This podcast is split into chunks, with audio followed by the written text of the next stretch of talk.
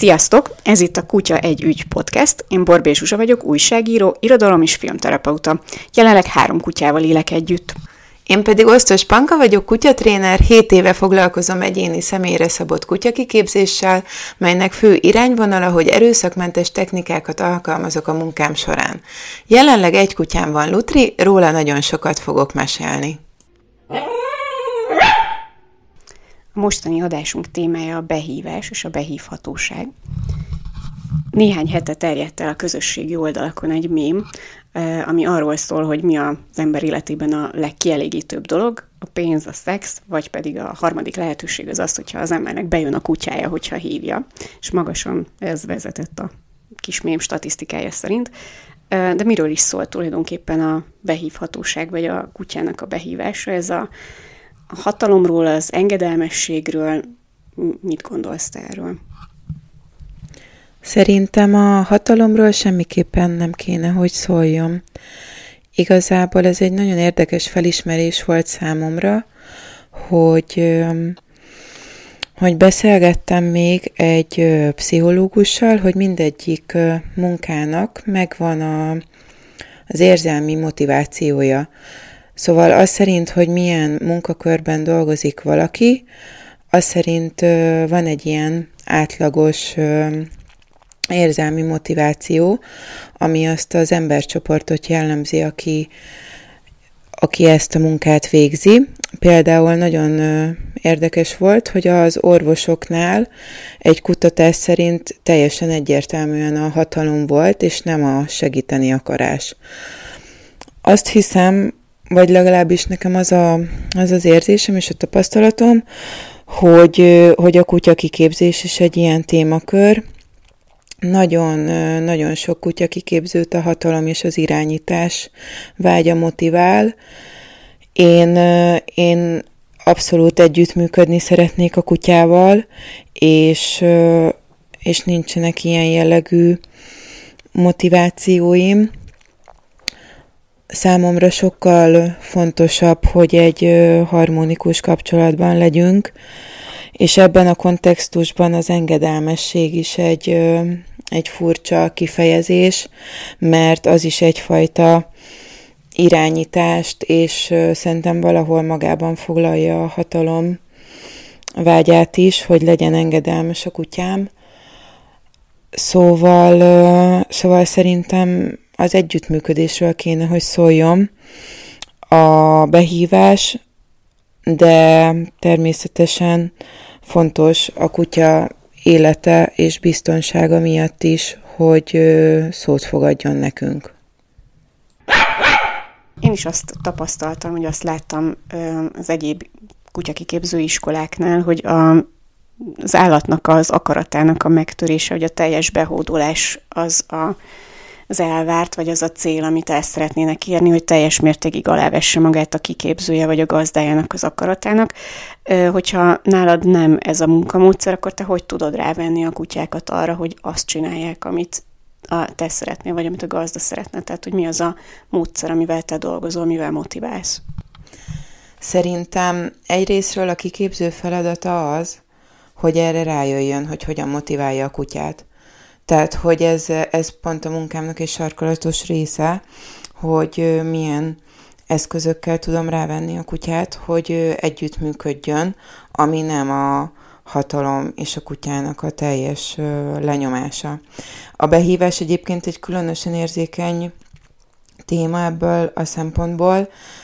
Biztos te is láttál már olyat, hogy valaki visszahívja a kutyáját, és hogyha nem jön sokszor, akkor, akkor mire nagy nehezen visszajön, mondjuk a tizedik visszahívásra, akkor megüti abban a pillanatban, hogy visszajön.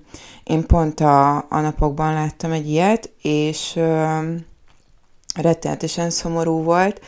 Ez nagyjából a legnagyobb ö, hiba, amit el lehet követni a behívás során, mert hogyha a kutya azt tanulja meg, hogyha visszamegy a gazdájához, akkor ö, büntetve lesz, vagy fájdalmat él meg, akkor nem fog visszajönni hosszú távon. Tehát, hogy akkor egy ilyen hatalmas öngolt lő magának a gazda, és itt nem csak az az egyik fontos szempont, hogy a kutyának nem jó, amit csinálok, és félelmet és fájdalmat okozok neki, hanem az, hogy a tréning szempontjából sem célra vezető.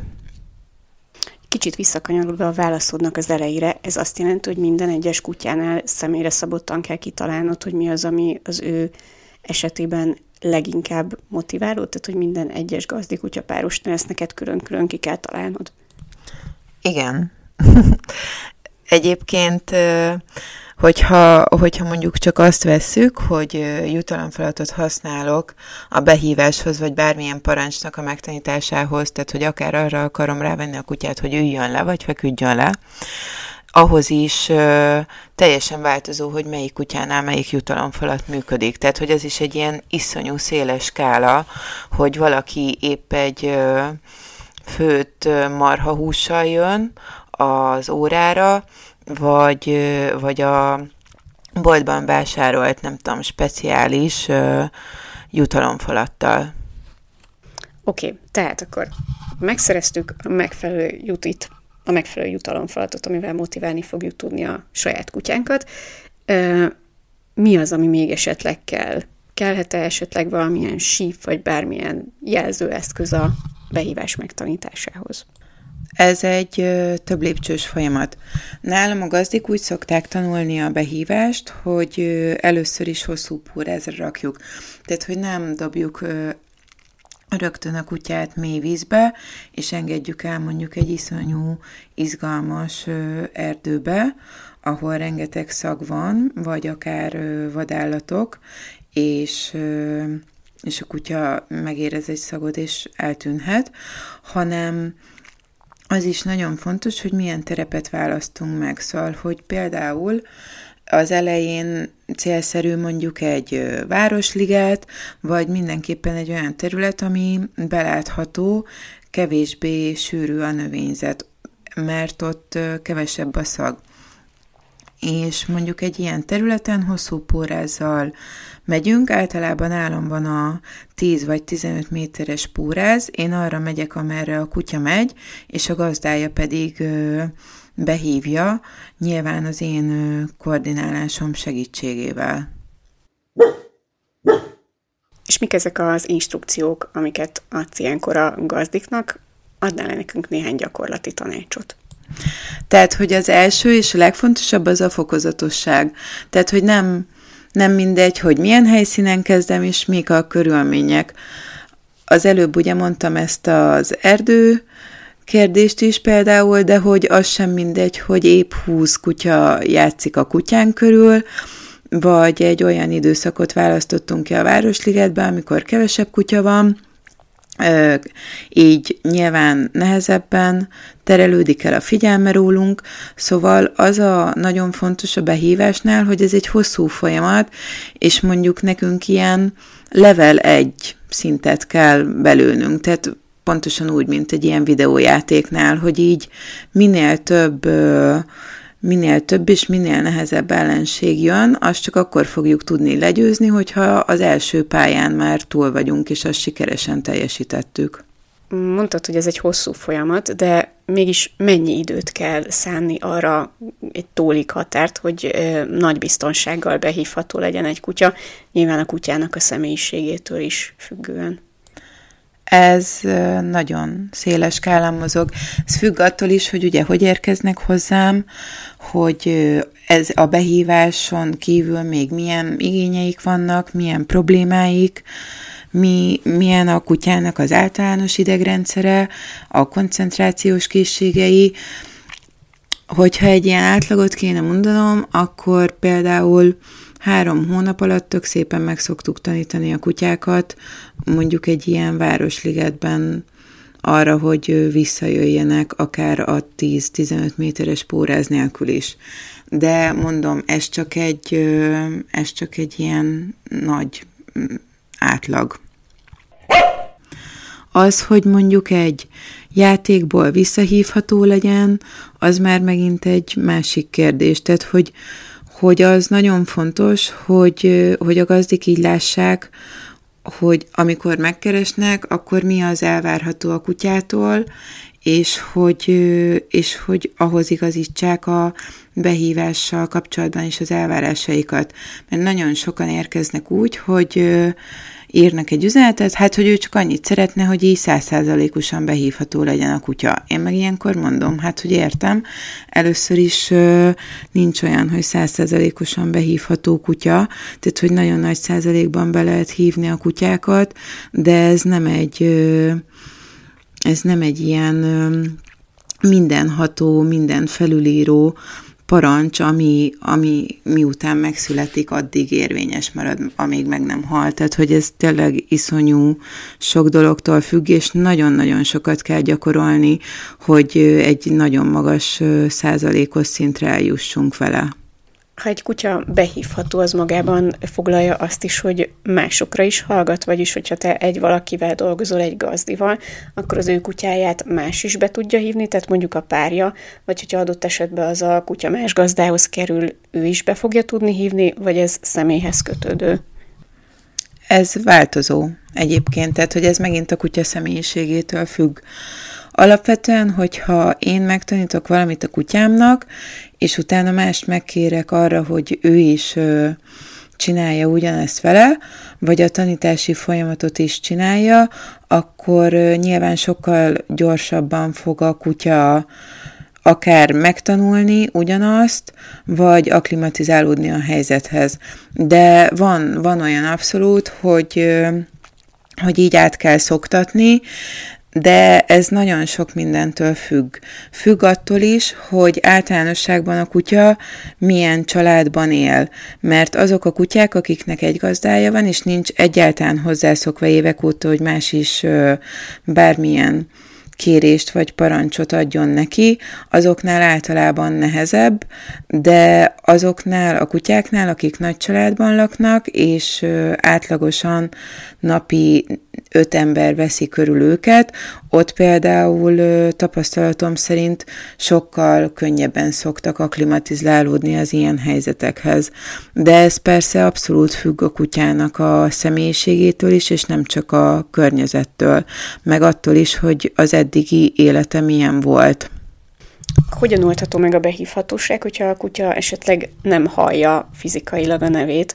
E, nekünk ugye a legidősebb kutyánk az 14 éves, és ő már eléggé rosszul hall az utóbbi időben, tehát ez azt jelenti, hogy a hiába kiabálok utána egyszerűen nem hallja a nevét, viszont hogyha sikerül szemkontaktust teremtenünk, és integetek neki, vagy bármilyen más jelzést adok, akkor visszajön, csak ehhez szükség van arra, hogy valamilyen látható jelet adjak, és nem hallhatót.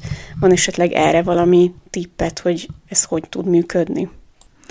A behívhatóságnál az egyik nagyon fontos dolog, amikor az ember ezt tanítja a kutyának, hogy én hogyan időzítem és mikorra. Tehát, hogy milyen pillanatokban hívom be a kutyát. Ez főleg játék közben jön ki, amikor kutyák egymással játszanak, azt szoktam javasolni a gazdiknak, hogy figyeljék a kutyát, mert mindig vannak ilyen levegővételnyi szünetek a játék közben, amikor a kutyák így kicsit, de ez csak egy pár másodperc félreállnak, megrázzák magukat, körbenéznek, és akkor szoktam mondani, hogy na most azonnal hívta a kutyát. Tehát, hogy egy, egy olyan kutyánál, aki, aki süket, ott valószínűleg azt javasolnám, hogy így ne is nagyon engedd el hosszú póráz nélkül egy olyan területen, ami nincs elkerítve, mert ez iszonyú veszélyes a kutya számára, mert, mert a szagokat ugye jól érzi, és, és lehet, hogy ez annyira eltereli a figyelmét, hogy, hogy így el is felejt felnézni, főleg, hogyha ez egy mm, hobbiból tartott állat. És ugye van a másik véglet, amikor ez egyébként sokkal gyakrabb, hogyha, hogyha a gazdi halk, és egyszerűen nincs hozzászokva ahhoz, hogy hangosan beszéljen vagy kiabáljon, akár a személyiségéből fakadóan, és ilyenkor, ilyenkor például gyakoroltatni szoktam, főleg ezek főleg ez a probléma nőket érint, Szóval ezt gyakoroltatni szoktam ezekkel a csajokkal a kiabálást. Nagyon helyesek egyébként, tehát, hogy így jó messzire elsétálok tőlük, és akkor mondom nekik, hogy így addig, addig kell kiabálni, amíg így el nem engedem a kutyát, mert én akkor fogom elengedni a kutyát, hogy visszaszaladjon hozzá, amikor már elég hangosan kiabál. Egyébként ezen rendkívül jól szoktak szórakozni, de ez egy, egy ilyen bevett módszerem már évek óta. Itt nagyon fontos irányba kanyarodtunk el szerintem, hogy a behívhatóság vagy a behívás az nagyon sokszor a kutya védelme érdekében történik. Erről is mesélnél egy kicsit? Igen, és ezért is mondtam, hogy a, a póráz használatát, tehát hogy a 10-15 méteres pórázt az első pár hétben legalább szoktuk használni, mert, tehát mert itt nyilván olyan helyzetekben is szeretnénk behívni a kutyát, amikor, amikor tőlünk mondjuk egy 30 méterre van egy ö, úttest, tehát hogy ez akár lehet ugye a Városligetben is, vagy a Margit szigetnek is vannak olyan részei, és ezeket például teljesen ö, általános ö, általánosan szerepel a tréningben, hogy így felmérjük, hogy milyen messzire kell elhelyezkednünk a veszélyes helyektől, hogy a kutya biztonsággal behívható legyen. És ez is egyébként teljesen változó kutyánként, de azzal is számolnunk kell, hogy a kutya bármelyik pillanatban megijedhet, ami viszont felül fogja írni nagyon sok esetben azt, hogy én behívom, mert egyszerűen csak pánikszerűen elkezd futni. Szóval az elején említetted, hogy a behívhatóságnál fontos a fokozatosság. Ez a fokozatosság, ez a térben is megnyilvánul, vagyis hogy milyen messziről tudjuk visszahívni a kutyánkat. Igen, az elején úgy kezdjük, hogy csak most mondok egy példát, tehát, hogy megtanítjuk a kutyának, hogy 7 méterről visszajöjjön, és nyilván nem 40 méterről kezdjük. Tehát, hogy ebben is van egy fokozatosság, és ezt is nagyon fontos betartani, mert nagyon sokan ott szokták elrontani, hogy kimennek a hajógyári szigetre, elengedik a kutyát, és amikor a kutya már 50 méterre van, üvöltenek, hogy gyere vissza, buksi, aztán nem értik, hogy így miért nem jön. Tehát, hogy ez, ez, tehát, hogy ez minden a kutya kiképzésben egyébként egy ilyen bizonyos fokig szöszmötölős és nagyon alaposan felépítendő program. Akkor, hogyha jól értem az eddigiekből, a behívhatóság tanulásához és gyakorlásához kettő darab ember kell, egy, aki behívja a kutyát, egy másik pedig, aki az elején a kutyával, pórázzal kíséri a folyamatot. Ezt jól gondolom? Én úgy fogalmaznék, hogy könnyebb, hogyha ketten vannak, és egyébként hatékonyabb is. Szóval, hogy amikor párok keresnek meg, akkor általában sokkal gyorsabban haladnak a behívás gyakorlásával, pont abból fakadóan, hogy tudnak ketten gyakorolni, és nem az van, hogy minden héten meg kell várni, hogy ugye én is ott legyek, és tudjuk ezt gyakorolni. Egyébként nem megoldhatatlan, csak kicsit nehezebben kivitelezhető, hogy a kezedben van egy 15 méteres pórász, közben jutisztatod a kutyát, tehát hogy így nagyon-nagyon sok dologra kell figyelni, meg időzíteni, és, és ezért általában a biztonság érzetüket is nagyban növeli a gazdiknak, hogyha velük vagyok és, és sokkal nyugodtabbak tudnak lenni a behívás gyakorlása közben. Szóval akkor, hogyha jól értem, a behíváshoz szükségünk van jutalomfalatra, amivel motiváljuk a kutyát, ami személyre szabottan az övé, türelemre, hogy a távolságot tudjuk szépen egyenletesen növelni, és olyan tempóban haladjunk, ahogy a kutyának jó. Szükségünk van tüdőre, hogy tudjunk olyan hangosan kiabálni, ami a kutya számára hallható, és kihagytam valamit? És pórázra. Ennyi volt mai adásunk, mindenkinek köszönjük a figyelmet.